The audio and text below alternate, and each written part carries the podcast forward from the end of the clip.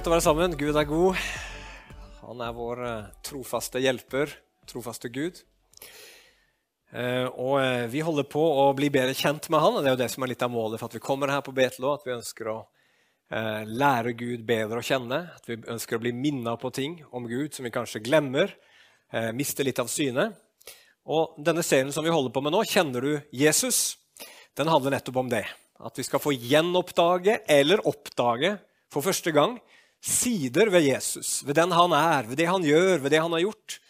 Sånn at vårt åndelige liv kan få næring, og vi kan få en større takknemlighet for den Jesus er, at det skal eh, føre til tilbedelse og et ønske om å følge han. Så det vi, vi gjør i denne serien, er at vi tar noen glimt, noen vers fra Lukas evangeliet, og så, eh, så snakker vi litt om det, forkynner ut ifra det. Så I dag så har jeg som tittel 'Jesus elsker alle barna'. Og For de som har vokst opp eh, på søndagsskole i Norge, så har dere hørt den sangen. Eh, som eh, ble sunget veldig mye før. Men det er ikke en sang som man har tatt helt ut av lufta, men det er en sang som virkelig har sitt fundament, som vi skal se nå i Guds ord. Og vi skal få lov å se det fra Lukas evangeliet. Så har du med deg Bibel, så skal vi lese fra to steder hos Lukas. Først så går vi til Lukas 9, og så skal vi lese fra vers 46 til 48. Og så etterpå det skal vi gå til Lukas 18. Da leser vi Jesu navn. Lukas evangelium 9, 46 til 48. Disiplene begynte å gjøre seg tanker om hvem som kunne være den største av dem. Men Jesus skjønte hva de tenkte i hjertet. Han tok et lite barn og stilte det ved siden av seg og sa til dem.: Den som tar imot dette barnet i mitt navn, tar imot meg. Og den som tar imot meg, tar imot ham som har sendt meg. For den som er den minste av dere, han er stor. Og så går vi til eh, Lukas 18, vers 15-17. Her er det veldig kjente vers. De bar også spedbarna til Jesus for at han skulle røre ved dem. Da disiplene så det, ville de vise dem bort. Men Jesus kalte dem til seg og sa, La de små barna komme til meg, og hindre dem ikke, for Guds rike slike, eh, tilhører slike som dem. Sannelig, jeg sier dere, den som ikke tar imot Guds rike, slik som et lite barn, skal ikke komme inn i det. Så Det vi skal gjøre i dag, når vi skal se litt på de to bibelversene her, det er å belyse to sider ved barn i, i, i Guds øyne, eller Jesu øyne. Det første er at eh, barn har eh, en egenverdi for Gud. De er viktige, de er verdifulle i sin egen rett. Så det er det første vi skal snakke om.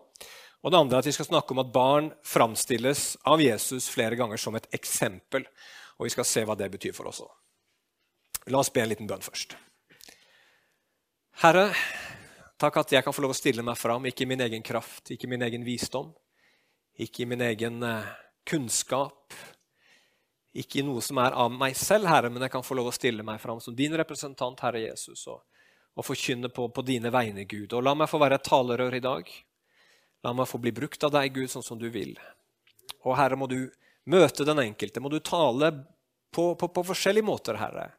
Både ting vi trenger å høre, som kan rettlede oss, og som kan gi oss nye tanker, og som kan vise oss ting vi trenger å vite, Herre.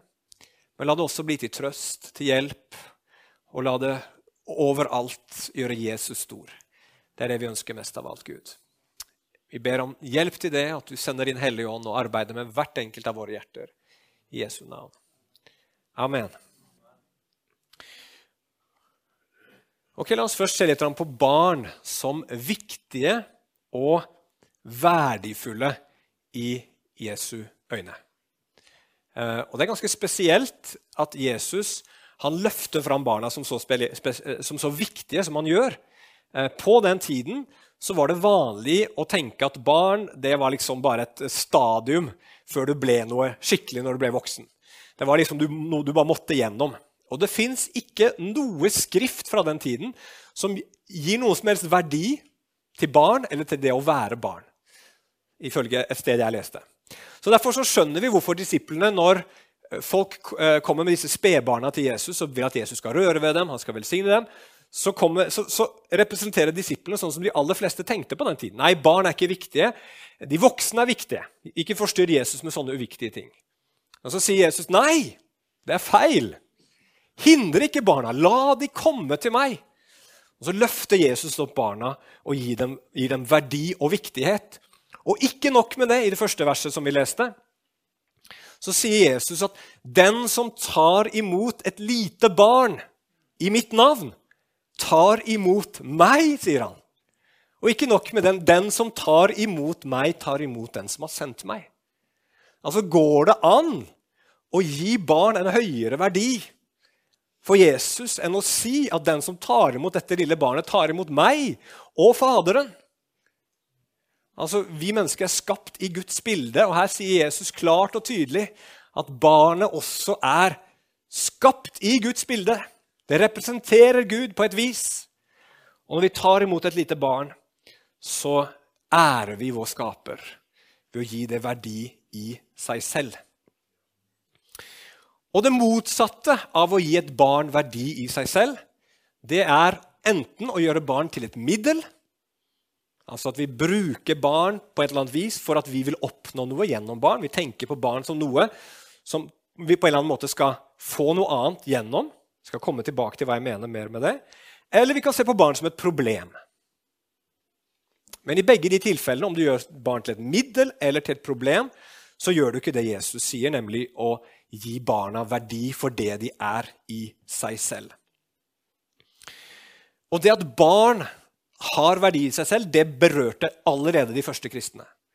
Og Vi har rapporter fra langt tilbake om at de første kristne de gikk rundt i de romerske byene hvor det var vanlig å sette ut barn for å dø på bymuren når de ikke passa inn, ikke, når de var et problem. Når man ikke, ikke mente man kunne ta imot dette barnet, så satte man de på bymuren for å dø i solsteiken, eller, eller at uh, fugler kom og tok det, eller hva det var for noe. Men da gikk de kristne rundt, og så tok de disse barna som lå der døende, og så gjorde de det til sine egne barn. Og veldig tidlig også så ser vi at det ble oppretta barnehjem for foreldreløse. Så dette, her, dette gikk inn hos de første kristne, at Jesus løfta opp barna og ga dem egenverdi. Og heldigvis så er det sånn at vi kristne den dag i dag er berørt av disse ordene fra Jesus. Vi kristne går i spissen når det gjelder barnehjem rundt omkring i verden. De aller fleste, tror jeg, uten at jeg har noen veldig klare data på det, det er det kristne som driver. Fjernadopsjon eller adopsjon, der også er kristne enormt overrepresentert og involvert. Jesus sine ord har hatt effekt. Og når vi skal se på barn som viktige og verdifulle, så betyr det for det første litt sånn som jeg har vært inne på, at barn derfor har rett på omsorg og beskyttelse. Barn har rett på omsorg og beskyttelse. Og i vår tid så er det to områder som jeg har eh, sikta meg inn på, hvor jeg tenker det er veldig spesielt, veldig viktig, at vi som kristne eh, jobber for, er tydelige sånn at barn kan få omsorg og bli beskytta. Det ene området er det som har med den seksuelle revolusjonen å gjøre. Som kommer fra 60-tallet fram til i dag, og som vi har mange utfordringer med akkurat nå. Jeg skal si hva jeg mener med det. Og det andre er også denne medierevolusjonen, som også har kommet de siste tiårene. Alt dette her skaper utfordringer, spesielle utfordringer for barn. Spesifikt er det de som blir ramma og blir offer for en del av de negative tingene som kommer. Så La oss snakke litt om dette med, med omsorg og beskyttelse i forhold til den seksuelle revolusjonen. Eh, den seksuelle revolusjonen skjedde på, på 60- og 70-tallet. og Man gikk fra å tenke at, eh, at, sex hørte til i ekteskapet mellom mann og kvinne, til å begynne å snakke om fri sex. ikke sant? Og dermed så balla det på seg med alle slags mulige former for eh, ja, seksuelle eh, Hva skal man si? Eh, måter å, å, å, uttrykke seksualitet på. Da. Og det ble mange, mange, problemer der. En av de tingene som har fulgt med i kjølvannet av det her, er det som har med abort f.eks. Eh, det kommer i kjølvannet av den seksuelle revolusjonen. Fordi at eh, når, når sexen blir fri, så blir det barn som blir født utenfor ekteskap. Det passer ikke. Ikke nå. Nå er vi ikke klare for det. Og så vil man prøve å finne vei ut av det, og så har man eh, funnet på dette med abort. Det er jo ikke noe nytt, i og for seg, men man har gjort det lovlig. da. Det fins mange problemer med abort, men en av de store problemene med abort er jo selvsagt at man ser ikke på barnet som om det har egenverdi. Det er det som er grunnen til at vi kristne alltid har kjempa imot dette her, så lenge det har eksistert. Fordi at vi tror at fra unnfangelsen av så er det virkelig et lite barn. Og vi forstår at kvinner kan komme opp i vanskelige, krevende situasjoner når et barn kommer på et ubeleilig tidspunkt. Men vi tenker at det er en vanskelig situasjon, men den er ikke så vanskelig at den rettferdiggjør å ta et, ta et liv. For det er virkelig et liv. Og når man tenker at abort er en løsning, så ser man jo på barnet som et problem. Men det er et problem. Det er et verdifullt vesen skapt i Guds vilje, bilde som har livets rett. Og så tenker vi at et barn som blir født, bare skal være et middel for å gjøre meg lykkelig. ikke sant? Vi snakker om ønskede og uønskede barn. Det er ikke noe godt å bli født som et uønsket barn. Som om et barn var noe du liksom skulle ønske deg til jul, som du ville ha for at du skulle bli lykkelig. Nei, Et barn er noe Gud gir, som i seg selv har verdi. Uansett om det passer eller ikke akkurat nå, så har det verdi. Og det, er det, det, det ønsker vi kristne å holde fast ved. Og Derfor så må vi tåle en del motstand, men vi tenker at dette her gjelder barn. Dette gjelder barnet selv. Og vi vet at hvis barnet kunne velge, så vil det leve. Og det finnes, eh, jeg tror En av grunnene til at vi i Norge i dag ikke mer, har mer motstand mot abort, er fordi at vi rett og slett ikke helt vet hva det er. Vi gjemmer det bak ord som, eh, som abort, f.eks., som, som liksom egentlig ikke tydeliggjør at det, det, handler om å ta livet av et menneske. Vi bruker ord som foster, og avbryte ikke sant, svangerskap osv. Men det er et menneske involvert. Også, hvis, du går, og, hvis du har litt mage til det, så gå på YouTube og så googler du hvordan en abort foregår, så, så, ser du litt bare en sånn framstilling av hva faktisk, som faktisk skjer, så tror jeg i veldig stor grad at man, man orker ikke å se på det, og, og, og at det berører en. Da. For det er virkelig mennesker det handler om, og vi klarer ikke å se på ondskap mot mennesker. Vi, vi blir berørt av det, og det er virkelig mennesker som trenger beskyttelse. Så barn er viktige.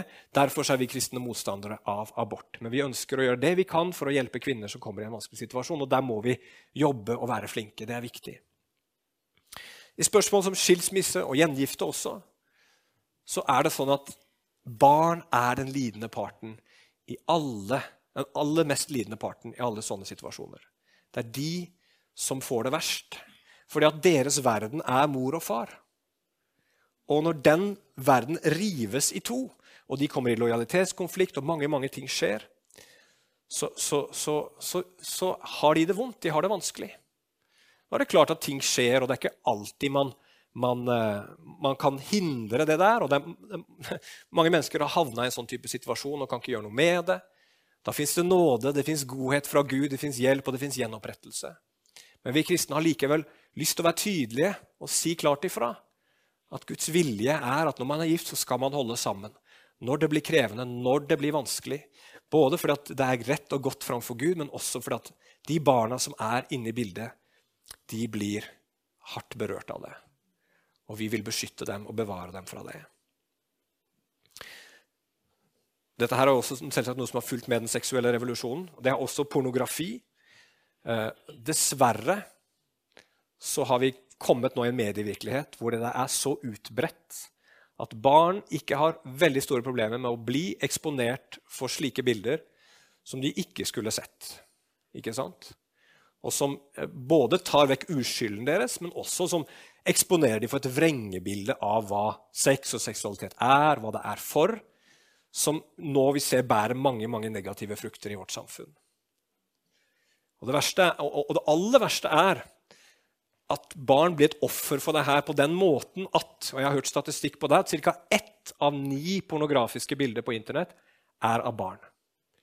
Så, så ille er det. Barn blir kynisk utnytta av en bransje som sikter seg inn på dem eh, ved å, å liksom diffusere denne pornografien i mange kanaler, og ved at barn også blir misbrukt. Det er, det, det, det er, er tragisk, og vi kristne vi må jobbe mot det, og være tydelig på det. Det ufarliggjøres veldig i vårt samfunn i dag. Det fins ikke så mange som legger, våger lenger å tale ut mot pornografi. Men vi kristne vi må gjøre det. Av mange forskjellige grunner, men aller mest kanskje fordi at det rammer de minste. Det rammer de små. Dette med likekjønna ekteskap, som også er en, en frukt av eh, den seksuelle revolusjonen, eh, har vi kristne vært tydelige på, i hvert fall fram til nå. Nå begynner det å vakle litt i, i, i, i en del leire. Men der også er vi nødt til å stå fast. Både fordi det er Guds ord, og Gud har sagt at ekteskapet er mellom mann og kvinne. Men også fordi at når vi sier at uh, denne formen for uh, samliv er et ekteskap, det òg, hvor de har rett og krav på barn, så blir barn med en gang et middel. Middel til to menneskers lykke. Og så, går man, så, så fratar man disse barna muligheten til å ha en mor eller en far for å produsere dette barnet på en kunstig måte. Og Så går det utover kvinner også som må være surrogatmødre osv. Men vi, vi, kristne, når vi står imot det, så handler det liksom ikke om at vi er sånne som ønsker å ødelegge og, og, og, gjøre samfunnet verre. Nei, vi ønsker virkelig å beskytte og bevare de minste og de svakeste. Uh, og det, det han, eh, Benestad, Øyvind Benestad har jo sagt at det, det er å planlegge for farløse og morløse barn. Det skjer noen ganger at, at, at, barn blir farløse eller morløse. Og, og, og, sånn er livet. Men å planlegge for å legge opp til det, det, det, må, vi, må, vi, stå imot, tenker jeg. Og jeg tipper at om 20-30-40 år, når, når, når, disse barna vokser opp og skjønner hva de har blitt utsatt for at de egentlig bare var et middel, så tror jeg mange kommer til å reagere.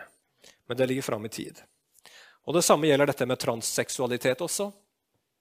Vi vet at noen mennesker de erfarer og opplever det man kaller for kjønnsdysfori. Altså de opplever at de ikke er det kjønnet som de, de, de fysisk sett er. Og så har vi da i dagens samfunn skapt en slags eh, filosofi hvor vi sier at ja, det er det du føler på innsiden, som er det virkelige. Mens det kroppen din er, det er uvirkelig. Og så skal vi fikse på det ytre for å, eh, liksom, ha, at det skal være i tråd med det indre. Ehm, dette er mennesker som, som, lider og har det vondt og vanskelig, og, og, og som vi absolutt må ha all vår uh, Vi må være glad i dem, vi må bry oss om dem. Men vi kan på en måte ikke si at ja, sånn som du opplever virkeligheten, det er, det, er, det er, rett, det er riktig. For at med en gang vi sier at ja, den enes personlige uh, virkelighetserfaring er noe vi alle andre må innstille oss på, så, så blir det enormt mye forvirring. Barn vokser opp nå må nødt til å ta stilling til hvilket kjønn de er, når det egentlig er noe Gud har gitt allerede. Og så får de enda mer å rote med og styre med når de kommer opp i puberteten. Det er nok identitetskrise som det er. Så gjør vi det enda verre for dem når de plutselig skal finne ut av både dette med hvilken, hvilket kjønn de er tiltrukket av, men også hvilket kjønn de er. Og så har det jo også ført dessverre da, til at mange For dette, har blitt så populært, og det, det er en slags sånn der, går en påvirkning det, det på, Man påvirker hverandre. Eh, i, i, I, ungdomsmiljøene så er det mange som har gått gjennom irreversible kirurgiske inngrep for å prøve å ligne på det kjønnet de føler seg, om, eh, føler seg som. Og nå, allerede nå så begynner det å dukke opp unge kvinner spesielt, eh, som kalles for detransitioners, som oppdager at det var helt feil. De skulle jo aldri gått gjennom de kirurgiske inngrepene som de gjorde i, i, i tenårene. Og nå er det for seint, nå kan de ikke gjøre noe med det. Og så bruker de sin røst for å advare mot hele den ideologien som har ødelagt for dem. Mange av de kan ikke få barn, eh, mange av de har helseplager og problemer pga. det. Psykiske plager fordi de har tatt hormoner og andre ting som de ikke skulle tatt. Og så er det voksne som har stått og heid på det her og liksom hjulpet dem og nærmest eh, i noen tilfeller eh, anbefalt dem å gjøre sånne ting. Da. Og da må vi kristne si nei. Barn er viktige, de er verdifulle. De er ikke et middel, de er ikke, de er ikke et problem. De er, de er, sånn som de er, skal vi beskytte dem og bevare dem så langt det står til oss. Vi må ikke være feige, men vi må ikke være redde, for det er for barna sin skyld. Noe annet som vi også må beskytte barna fra i vår tid, er denne medierevolusjonen som vi er en del av. Alle sammen har sikkert en smarttelefon. Eh, mange har det, og vi blir omgitt av skjermer på alle mulige måter som gir oss så mye inntrykk, som, som, selger så mange budskap til oss, og som prøver på mange måter å påvirke, vårt, og forme, påvirke oss og forme vårt verdensbilde også. Og det fins en kynisk bransje bak det der som vil gjøre dette her avhengighetsskapende. Det er derfor det er så vanskelig å legge fra seg mobiltelefonen. For den er designa for å gjøre deg avhengig. Og hvem tror du blir mest avhengig? Hvem er, hvem er det som har minst forsvarsverket mot det der? Det er barn. Men denne bransjen som lager disse smarttelefonene, er kyniske. Steve Jobs, for eksempel, som oppfant smarttelefonen, lederen av Apple eh, på, på begynnelsen av 2000-tallet, han lagde designa dette her, men ville ikke gi det til sine egne barn. Hvorfor det, tro? Han visste det var ikke bra for dem. Men han kjørte på og lagde det, designa det, markedsførte det, og så er det mange barn som har fått mange problemer. Og Det følger mye utfordringer med det. faktisk. Det kan være helsemessige plager, for barn får ikke bevegd seg. rett og slett. De blir sittende både foran store skjermer og små skjermer. Um, det gjør at barns evne til å reflektere, til å utvikle seg mentalt, blir hemma. Og også deres evne til å holde ut over tid for å lære noe, for å få en belønning på sikt, blir ødelagt. Fordi En sånn smarttelefon gir en belønning med nesten ingen innsats.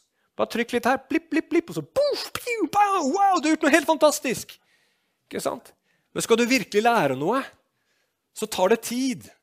Det krever at du ikke gir opp. Og den evnen den fratar vi barn når vi gir dem sånne raske belønningssystemer. Da. Så de tenker denne bransjen tenker at barn er et middel. Og så er noe av problemet da, at ofte vi voksne lar dem allikevel holde på. Fordi noen ganger så er barn et lite problem. Og det er godt å få litt ro og fred. er det ikke det? La oss, Vi setter dem ned foran TV-en. Vi gir dem, gir dem iPaden. Så har vi litt ro og fred noen timer. Ikke sant? Ingen som kjenner seg igjen, så klart, men eh, Men, men Så hvorfor gjør vi det? Jo, for det, det koster noe. ikke sant? Det koster noe for oss. Og Da kan vi noen ganger være litt egoistiske. Nå sier jeg ikke at det er helt forbudt å la barna få se på en film eller la barna få en iPad, men, men pass på ikke sant? at ikke du bare gjør det for at du liksom ikke orker. Åh, det var så deilig. Nå ble det så stille. Så sitter de der og så bare grilles hjernen deres. ikke sant? Nei, vi må vi må våge, barn har egenverdi. Vi må våge å si nei. Noen ganger kan det bli veldig upopulær. Vi må tåle det støyet og det problemet som barn noen ganger kan være for oss. Og så må vi også tenke at ok, jeg, heller, jeg, skal bruke tid på dem. Jeg vil involvere meg i dem. Jeg vil eh, ja, lære dem bedre, gode ting. Og ja, spille et spill eller gjøre noe sammen med dem. Komme ut sammen med dem gjøre noe. Eller si 'nå kan du gå ut sjøl'. Det er også helt fint. Gå ut og lek, finn på noe. Det trenger barn i dag. Vi trenger ikke å være med på alt, vi voksne heller. Oi, oi, oi, nå har jeg snakka fryktelig lenge. Uh, ja Jeg tror jeg bare hopper, uh, jeg hopper rett til, uh, til barn som eksempel.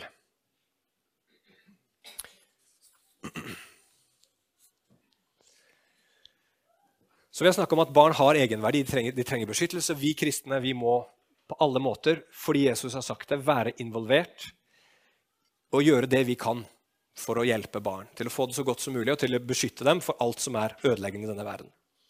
Men Jesus han tar det et steg videre og sier at ikke barn bare har barn verdi, men de er et eksempel. Han sier til oss voksne at vi må se på barna og at vi må lære noe av dem. Og Hvis vi ikke blir som dem, sier Jesus, så kan vi faktisk ikke komme inn i Guds rike. Og hva all verden mener Jesus med det at, at, vi, at vi må bli som barn for å kunne komme inn i Guds rike? Og det forklarer han ikke. Så vi må liksom tenke litt, da. Og det er jo ikke alt med barn som er bra. Det er jo ikke sånn at hvis du begynner å grine for ingenting, liksom, så kommer du inn i Guds rike. Eller hvis du blir sur for ingenting, så kommer du inn i Guds rike. Det er, ikke, det, er ikke, der Det fins en del ting ved barn som ikke skal etterligne. Barn er ikke ideelle, perfekte vesener. Men det fins noen egenskaper som barn har, som du og jeg også trenger å lære for å kunne komme inn i Guds rike. Som vi trenger å innse for at vi også skal komme inn i Guds rike. Og hva er det? Jo, det er to ting som jeg tenker på. Det ene er hjelpeløshet. Det som er spesielt hos Lukas her, det er at han sier ikke sånn som det står i både Markus og Matteus, at de bar små barn til Jesus, men her står det faktisk at de bar spedbarn. Da har du noe av det mest hjelpeløse du kan finne. At De kunne ikke gå til Jesus engang, de var ikke i stand til å uttrykke stort, men de ble båret til Jesus. Jesus han vil at vi skal forstå at vi er hjelpeløse. Og han gjør det også mange andre steder gjennom evangeliene. På hvilken måte da? Jo, for det første så vil han at du og jeg skal forstå at vi er intellektuelt hjelpeløse. Jesus forteller lignelser. Vet dere hvorfor Jesus forteller lignelser? Jo, ofte så tenker vi at han gjør det for å forklare, for å bruke en illustrasjon, så det skulle være lettere for tilhørende hans å, å, å, forstå. Og det er nok noe i det. Men samtidig sier Jesus selv at han gjorde det for at de ikke skulle forstå. Har du lest det? Hva var poenget med det? Jo, det var for å få dem til å forstå at de ikke forsto. Og så var det noen disiplene de kom til Jesus og sa, 'Jesus, vi forstår ikke. Forklar. Hjelp oss.' Og så kunne Jesus hjelpe dem. Men du må først forstå at du ikke forstår, for å kunne forstå. Vi må bli ydmyke for å kunne ta imot Guds sannheter og Guds rike. Og vet du at du og jeg vi forstår fryktelig lite. Vi lever i en tidsalder hvor vi har utrolig mye teknologi, utrolig mye kunnskap. Men de aller fleste av oss forstår ikke så veldig mye av det som omgir oss. Hvor mange her inne vet hvordan en datamaskin virker? Ja, noen få som gjør det. ja? Nå mener jeg ikke hvordan du trykker på musa, sånn, men hva er det som skjer helt innerst inni den transistoren? Inni prosessoren der? Hvordan, hvordan fungerer det? Hvor mange vet det, da? Hvordan kan nulle Ja, det er bare Bjarte. Det var det jeg tenkte meg. Vi vet ikke hva som skjer inni der. Vi vet at det fungerer, vi klarer å bruke det, men vi skjønner ikke hvordan det fungerer. Det er bare noen få mennesker på jordkloden som forstår, forstår det. Alle vi andre vi er idioter. Idioter det betyr uvitende. Bare så det er sagt. Men den menneskelige bevissthet, da? Hvordan, det, hvordan kan det liksom ha seg at vi mennesker er i stand til å forstå at vi eksisterer og se oss selv utenfra? Det er det ingen som vet. De aller glupeste menneskene på denne jordkloden aner ikke. Så vi vet faktisk fryktelig lite. Men likevel så sier mange mennesker Nei, jeg klarer ikke å tro på en gud. Det, liksom det, det virker så usannsynlig for meg at det, at det kan finnes en gud.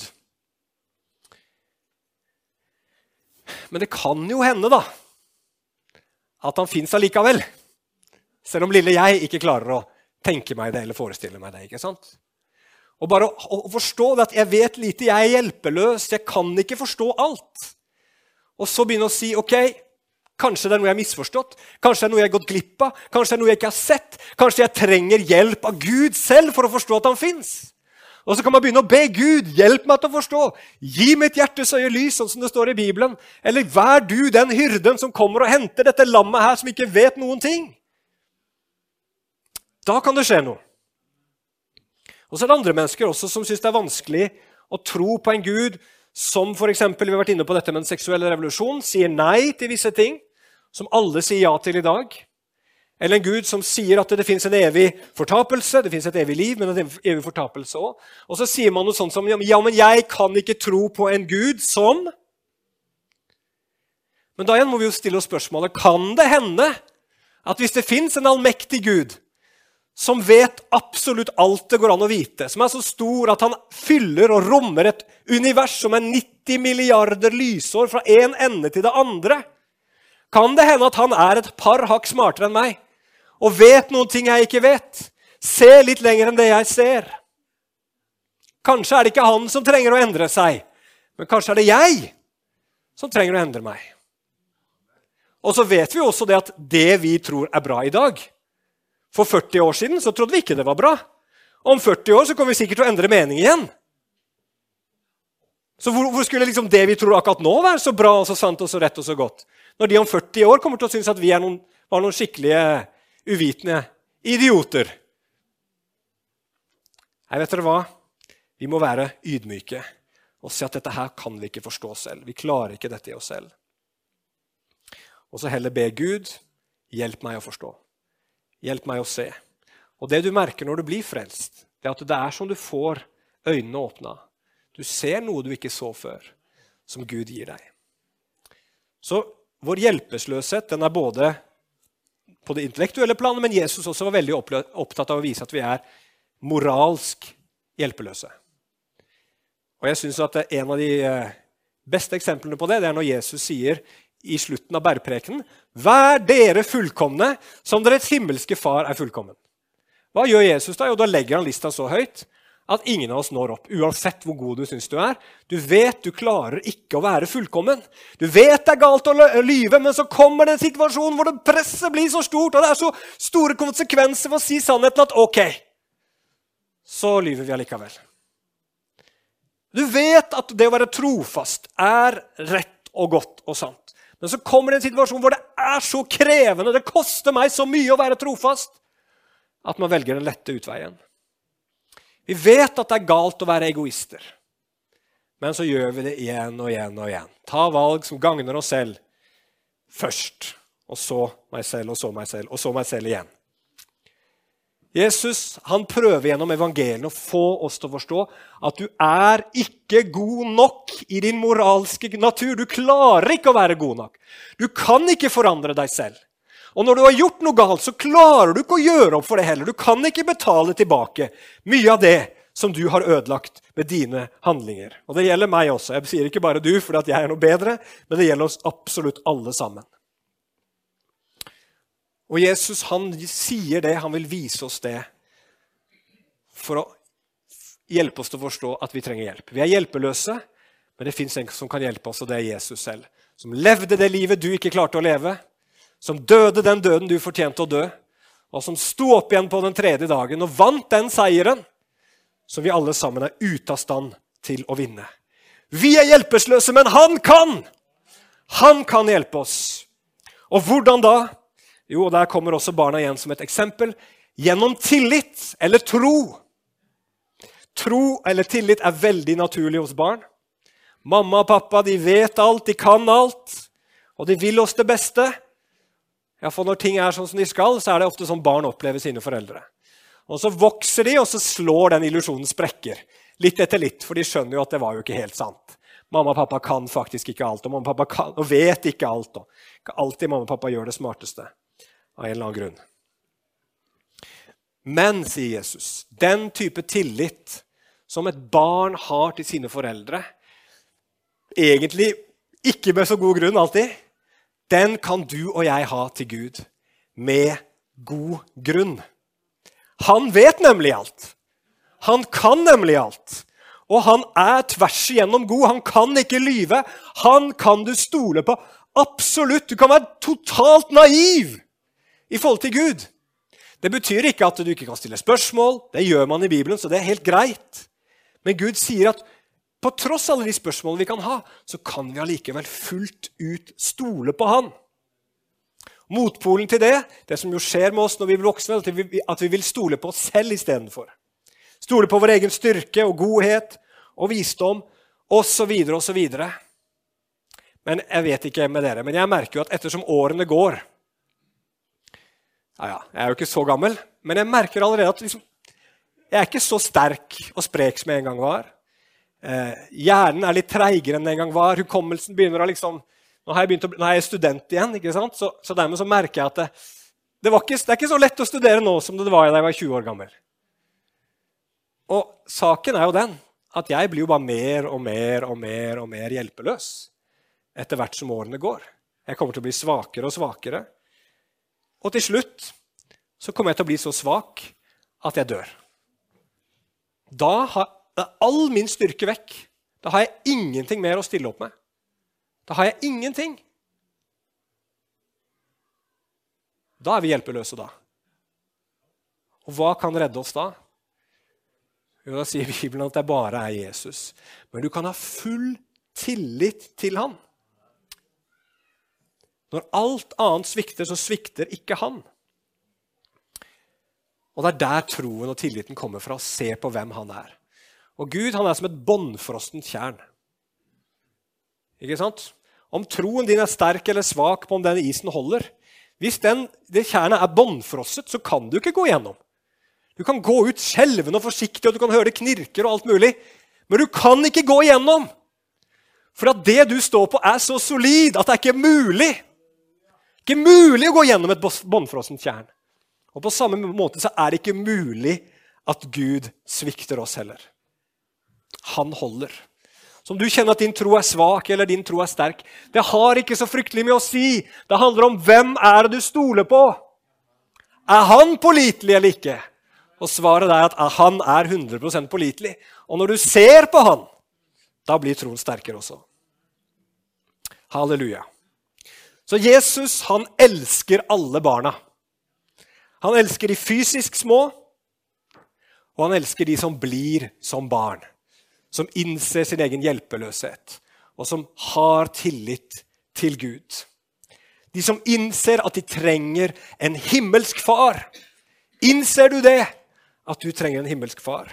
Ja, men Hvis du gjør det, da er det gode nyheter for deg. Ikke bare kan du få lov til å komme inn i Guds rike ved å tro på Jesus og det han har gjort for deg, men Gud gjør oss til sine barn. La oss lese helt til slutt her. Romerbrevet 8, 15-17. For dere fikk ikke trelldommens ånd, så dere igjen skulle frykte, men dere fikk barnekårets ånd, og i ånden roper vi 'Abba, far'. Pappa, far, kunne man oversatt det. Om den selv vitner med vår ånd at vi er Guds barn. Og hvis vi er barn, da er vi også arvinger, Guds arvinger og Kristi medarvinger, så sant vi lider med ham, for at vi også skal bli herliggjort sammen med Han. Halleluja. La oss se på barna som verdifulle, og la oss bli som barn og ha Gud i tillit og tro som vår himmelske Far. Amen. Vi ber til slutt. Kjære himmelske Far. Herre, vi eh, Vi er så små og svake, Herre. Vi lever sånn i en illusjon om at vi mestrer våre egne liv, at vi får så mye til. Men Herre, vi er avhengig av deg på flere områder enn vi aner. Og Herre, jeg bare ber for mine brødre og søstre, oss alle sammen her i dag, at vi skal fatte og begripe den avhengigheten. At vi lærer oss å stole enda mer på deg. Halleluja. At vi kan finne styrken i deg, Herre, ikke i oss selv. At vi kan bli ydmyke og Jeg ber også for det samfunnet vi lever i, Herre, at de også skal få, få se Herre, sin egen hjelpeløshet, sin egen svakhet. Vi lever i sånn en illusjon, Herre, av at Norge, det står, og det, det Her kan vi stole på staten, og her kan vi stole på ditt, og her kan vi stole på datt, Herre. Men vi er like sårbare som alle andre. Nordmenn trenger også en himmelsk far, som kan være der, og som kan være til å stole på når alt annet svikter. Herre, vi ber om at evangeliet må gå ut til et folk i Norge som har fått hjertet sitt pløyd opp, Herre. Og, og, og, og som har fått myke hjerter, Herre. Og som kan ta imot evangeliets såkorn. I Jesu navn. Amen.